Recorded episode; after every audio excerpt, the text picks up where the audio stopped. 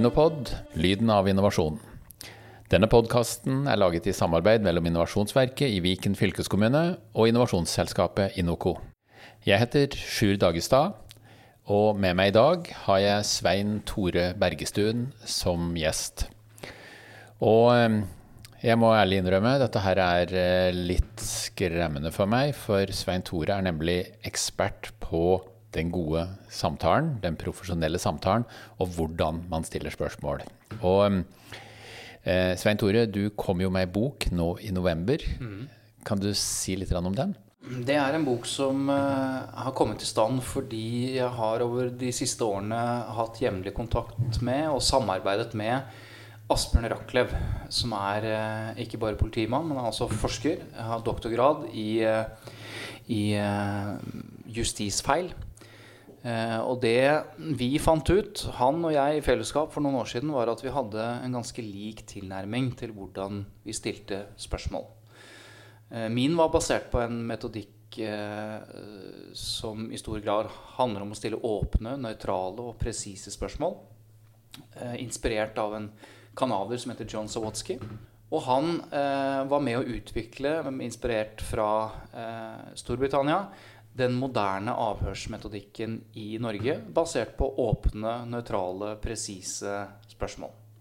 Så Det var sånn det kom, kom i stand. Og så eh, fant vi ut sammen med Geir Egil Løken, som var en av avhørerne av Anders Behring Breivik, at vi skulle skrive bok, ikke for politiet, og ikke spesielt for journalister, men for alle som stiller spørsmål i sitt daglige virke, i sin jobb. Altså folk som stiller spørsmål for å få pålitelig informasjon tilbake. Eh, kan du gi noen eksempler på åpne og lokka spørsmål, bare sånn at vi får det veldig konkret for tilhøreren?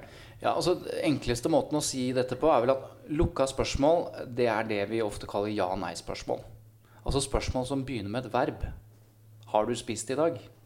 Vil du synge? Skal vi gå? Altså alle spørsmål som har i utgangspunktet bare et nei eller ja. Akkurat, ja. Og så blir det jo opp til den som får spørsmålet, om man vil si nei, komma, og så legge på noe mer. Men det har jo ikke vi som uh, spør, noe kontroll over. Nei, så vi spør jo egentlig om et ja eller et nei.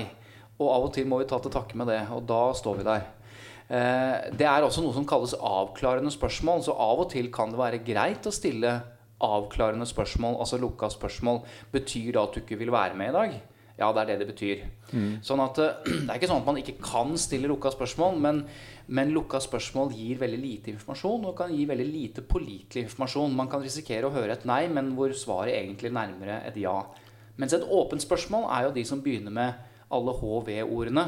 Ikke sant? Hvordan, hvem, eh, hva, Hvorfor det? Osv. Alle spørreordene som vi egentlig lærer, men som vi, eh, som vi, rett og slett bruker for lite av. Så da kan jeg prøve et sånn H-ord, da. Hva var det som gjorde at du kom inn på spørsmålssida? Um, det, det, Jeg begynte som journalist. Sånn at uh, det var jo det jeg, det, var det jeg starta med. Og så oppdaget jeg underveis, etter fem år som journalist, hvor intervjuet jo egentlig er det viktigste verktøyet for å hente ut informasjon, at jeg var fryktelig dårlig på det. Og alle rundt meg var ganske dårlige på det. For vi hadde ikke noe metodikk. Vi hadde ikke lært hvordan skal du planlegge, kontaktetablere, hvordan skal du eh, hvordan skal du stille spørsmålene? Hva slags formuleringer skal du ha? Hva slags strategi skal du ha for når du skal presentere ting osv.? Så, videre. så jeg fant rett og slett ut at journalister i likhet med barnevernsansatte eller dommere eller advokater eller jobbrekrutterere eller finansanalytikere. Alle de stiller spørsmål i jobben sin. Ingen hadde en forskningsbasert tilnærming til det de holdt på med. Nei, Så det var starten. Jeg begynte å lure på hvorfor har jeg ikke lært bedre eh, å gjøre noe som jeg gjør hver dag. Er det sånn at eh, eh journalister i dag òg eh, er for dårlige på å stille spørsmål? Og, og at på journalistutdanninga lærer det for dårlig?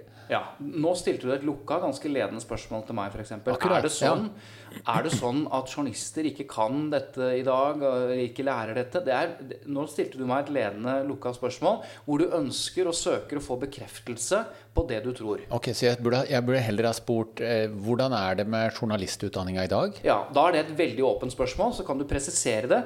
Ja. Hvordan er det eh, med journalister i dag, og den utdannelsen de får når det gjelder akkurat det vi snakker om nå? Da er det et okay. mer presist spørsmål, men likevel et åpent spørsmål. Ja, kult. Så kan jeg svare da følgende Der står det dårlig til. Fordi Eh, man lærer jo eh, å stille eh, spørsmål, men man lærer ikke hvor viktig og hvor ekstremt vesentlig ordene du bruker, spørsmålsformuleringen, hvor viktig det er for kvaliteten på svaret. Man henviser ikke til forskning, til tross for at det er forsket i tiår på tiår innen kognitiv psykologi, innen vitnepsykologi, innen eh, forskning på kommunikasjon mellom mennesker. Man vet masse om hva som funker. Og dette er ikke integrert i utdannelsen av de som stiller spørsmål. Heller ikke journalister. Og da, og da eh, nå mens jeg sitter og hører på deg, så, så, så, så merker jeg at det skjer noe oppi huet mitt som, som, som, er ganske interessant å observere. For jeg har jo da lyst til å si hvorfor er det slik? Men så, men så dukker det opp én ting til. Mm.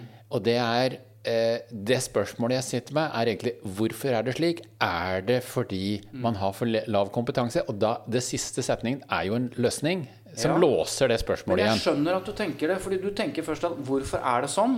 Og når du stiller det spørsmålet, så er du redd for at ikke jeg skal komme inn på det du egentlig har lyst til at jeg skal komme inn på, om det handler om kompetanse. Ok, så stille spørsmål, det er egentlig eh, handler også litt om eh, det å kunne fristille seg og, eh, å tåle å bli tatt med inn i retninger som du ikke hadde tenkt ja, på. Fordi grunnen til at politiet, og da politiet i England, eh, det var der det startet Da de endret avhørsmetodikken fra det vi kaller en manipulativ, tilståelsesfokusert avhørsteknikk, hvor målet ved avhøret var å få en tilståelse. Sånn var det i Norge òg. Målet var å få en bekreftelse på at den skyldige er den vi har foran ja, oss. Ja, ja. Det er ikke målet med avhøret i dag, 20 år etter. Målet med avhøret er å få så mye og så pålitelig og detaljert informasjon som mulig, som enten bekrefter noe eller avkrefter noe. Ja, riktig. Ja. Sånn at eh, det, det, å stille spørsmål er eh, for det første uh, i hvert fall to ting. Det man gjør feil i dag, er at man søker bekreftelse på noe man uh, gjerne liksom, vil ha bekreftet. For man har en tese eller noe sånt. Ja. Istedenfor å stille åpnere spørsmål som gjør at man ganske fort skjønner at den tesen den var ikke verdifull, så det var ikke noe vits å gå ned, lenger ned den veien der. Og det andre er at vi stiller spørsmål sånn som vi gjør i en samtale. I en sosial samtale så har vi en, en, en, annen dynamikk enn en profesjonell samtale, eller må ha og skal ha. Ja. Der driver vi og hjelper hverandre for å være hyggelig. Vi kan begynne med et åpent spørsmål. 'Hvordan går det med deg? Har du, har du, det bedre nå?' Det ser ut som du har det bedre nå. Ja, jeg er litt, jeg er litt mer komfortabel nå etter ja, ha, at vi har snakka litt rundt det. Ja. Altså, det kan få store konsekvenser når den sosiale samtalen blir den profesjonelle. Se f.eks. en elev som sliter på skolen. Og så er det et, et møte med læreren og foreldre, og så sier f.eks. læreren for læreren har jo nå et inntrykk av at det går bedre enn det gjorde i starten. Så sier han nettopp det. Ja, hvordan går det med deg nå? Det, vi, vi, skjønner at det, det, virker som det går bedre. Det gjør det nå, ikke sant? Har lyst til å få bekreftet at det går bedre. Så ja. sier 14-åringen ja, det går litt bedre nå. Sannheten er at det går dårligere. Men det går læreren glipp av fordi man stiller et ledende spørsmål som jo 14-åringen bare har lyst til å bekrefte for å bli ferdig med det. Hadde du stilt spørsmålet Kan ikke du kjenne etter nå, og så forteller du meg med dine egne ord. Hvordan, hvordan, hvordan syns du det går? Ja. Nei, det går vel sånn passe. Ok, når du, når du, sier passe, hva legger du i det? Fortell mer om det. Nei, det er ikke alltid det er så gøy. Nei vel? Øh, når er det det ikke er gøy? Ja, det er for eksempel Og så begynner han å snakke om det som er problematisk. Han har ikke sjans til å snakke om det hvis læreren sier 'det går bedre nå', gjør det ikke det? Ja, ja. Så det, det, vil si at læreren velger på mange måter banehalvdel du skal spille på? Ja. Og, og gjør uforvarende ting som er, får veldig store følger for den informasjonsinnsamlingen eh, som du egentlig driver med. Da. Det samme gjelder alle yrkesgrupper som stiller spørsmål. Lege nå. Ja. Du, eh, Svein Tore, jeg har en, en, konkret ting som jeg hadde hatt veldig lyst til at vi skulle komme inn på. Ja. Fordi når vi driver med innovasjon, så sender vi veldig ofte ut mennesker for å snakke med sine kunder. Mm. Og en vanlig, hva skal vi si, en vanlig framgangsmåte hvis vi går inn i kursene våre, det er jo det at kunden har lyst til å skrive noen spørsmål og sender ut eh, via datamaskina, altså en kvantitativ undersøkelse. Vi sier nei, det får ikke lov til. Du skal møte mennesker av kjøtt og blod, ansikt til ansikt, og stille spørsmål. Ja. Og da står vi jo foran det dilemmaet med lokka spørsmål og åpne spørsmål. Mm. Sånn at de, den jeg spør på vegne av, det er bedriftslederen eller den ansatte i bedriften som skal jobbe med innovasjon. Og som nå skal ut og snakke med potensielle kunder for å avdekke uløste behov. Har du noe råd å gi på veien? Veldig mye råd å gi på veien. Jeg skal prøve å gjøre det kort. Det viktigste da, oppdraget ditt, er jo å få så mye og så pålitelig informasjon som mulig. Og grunnen til at jeg bruker pålitelig, er at veldig mye av de svarene vi gir hverandre, de er ikke pålitelige. De er litt enten for å komme unna, eller for å tilfredsstille den som spør, osv. Men hvis du skal dra ut i bedrifter og finne ut av hva er det som f.eks. funker, hva som ikke funker, hva som skaper innovasjon osv., så, så må du jo stille spørsmål om det. Og du må gi muligheten til at de kommer med svarene, og ikke du i dine teser. Ja. Så da begynner vi det vi kaller øverst i pålitelighetshierarkiet i den profesjonelle samtalen. Ja. Altså hva er det som gir mest informasjon og mest pålitelig informasjon? Det er til og med før spørreordene. Det er oppfordringen til å fortelle og beskrive og forklare. Akkurat, ja. Så hvis vi skal begynne med ett tema, da, sier du til den bedriftseieren, f.eks. når det gjelder innovasjon, hvordan dere jobber med innovasjon. Beskriv så godt du kan med dine egne ord hvordan dere gjør dette, f.eks. For eksempel. Eller fortell, beskriv, eh, gi detaljer. Altså oppfordring til å si noe. Er det, er det, liksom, det er det beste du kan gjøre. Ja. Og så kommer det jo mye informasjon, så vil du gjerne vite mer om den informasjonen. Og da kommer oppfølgingsspørsmålene. Når du sier dette, hva mener du med det? Hvordan da? På hvilken måte? Kan du gi eksempler på det? For da dykker du enda mer ned. Og helt til slutt, hvis det er noe du er usikker på, så kan du komme med dine lukka spørsmål eller avklarende spørsmål. Ja, Betyr alt det du har sagt nå, at dere egentlig ikke bruker penger på dette? For eksempel. ja, det er riktig. Vi bruker ikke penger på det. Vi, ja, og Så, videre. så du må begynne helt øverst med beskriv, fortell, forklar. Gi meg så mye informasjon som mulig. Der har jeg, eh, der har jeg lyst til å eh, sette deg eh, litt inn i eh, en måte vi har løst det på, og, og, og, så bare høre hvordan du som fagmann eh, ser på det. Fordi mm. vi har ofte bedt folk om å eh, få kunden til å fortelle ei historie hvor du som leverandør har gjort det innmari bra. Ja. Og, og, det er en baktanke med det. Fordi det vi er ute etter, det er forbedringspotensialet. Og det er selvfølgelig hvor du ikke gjorde det bra. Men ja. her kunne vi gjort det bedre. Men vi opplever at folk ikke vil komme med det negative før de har snakka litt om det positive. Ja. Så det er et litt sånn dirty trick. Så, så, hvis du hadde vært en kunde, og jeg hadde sittet nå i samtale med deg for å lære mer om innovasjon eh, og, og, jeg, og, jeg, tror det jeg spør om nå, det er i den åpningssamtalen du prater på. Mm. Så ville jeg ha sagt eh, Eh, Svein Tore, kan du fortelle om en gang vi som leverandør eh, var veldig bra, hvor var, du var veldig fornøyd med oss, og som vel vitende om at jeg kommer ikke til å bruke det uansett, jeg bare gjør det for å lure deg ja, utpå. Nå er du inne på noe som jeg er motstander av. Og det er Uansett hvor mildt det høres ut, ja. det å være inne på de såkalte manipulative tenkningen Nå gjør jeg dette fordi osv. Ja, ja det eh, viser forskning også at det hindrer til slutt informasjon. Ja, det, det, kan skape mistillit. Ja. Ja. Så det du skal gjøre, som er mye enklere, det er å ikke gjøre dette i selve intervjuet ditt. Fordi fasene i den profesjonelle samtalen er viktig å holde styr på. Og den er ganske enkel. Først må du planlegge. Altså fysisk, mentalt, saksmessig. Så kommer det en veldig viktig fase som skjer før intervjuet starter, og det som kalles kontaktetableringen. Når du skal etablere kontakt med intervjuobjektet ditt, der kommer all informasjonen om hva som skal skje. Og det betyr f.eks. i et krevende samtale, så kan du si det. Etterpå så kommer jeg til å stille noen spørsmål. Mm. Og noen av de spørsmålene vil du oppleve som kanskje litt ubehagelig, krevende, vanskelig. Da skal du vite sånn at bla, bla, bla. Mm. Så kan du fortelle alt og berolige. Det er ikke manipulativt. Det er åpenhet. Mm. Ikke sant? Det er å gi informasjon. Og gi så mye informasjon som mulig i forkant av intervjuet, sånn at når det oppstår, så vet du I dette tilfellet, om du snakker om, så sier du vi er interessert i både det som fungerer, og det som ikke fungerer. Så er det lettere å snakke om det som fungerer, og det gleder jeg meg til å høre. Men jeg er også veldig klar til å ta imot ting som ikke er så lett å høre for meg, f.eks. Mm.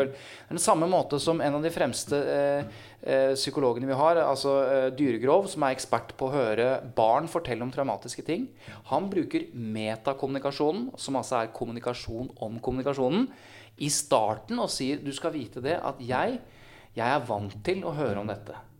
Du skal, du skal, slippe å tenke på at når du forteller eh, veldig alvorlige ting til meg, så skal du slippe å tenke på hvordan jeg har det når mm. du forteller. Ja, så du skal bare være helt åpen på det. Dette er jeg veldig vant til. Og så, videre. så når han kommer til det punktet i samtalen hvor han sier ja, men fortell litt mer om det, hvordan var det, så tenker barnet eller sånn at ja, nå, jeg, nå vet jeg jo at denne personen som sitter foran meg, orker å høre på det jeg sier. Han har sagt det. Jeg stoler på det. Så alt handler om å gå vekk fra de manipulative triksene i boka til å, til å gi så mye åpen og god informasjon som mulig i forkant. Det gjør at alle spørsmål skal være mye lettere å stille når den tid kommer. Og så må du da, og da har jeg egentlig hoppet over den fasen, men etter kontaktetableringen så starter den første fasen i intervjuet, og det er den som heter den frie forklaringen. Hvor du skal gi, prøve å få så mye informasjon som mulig ved at vedkommende forklarer.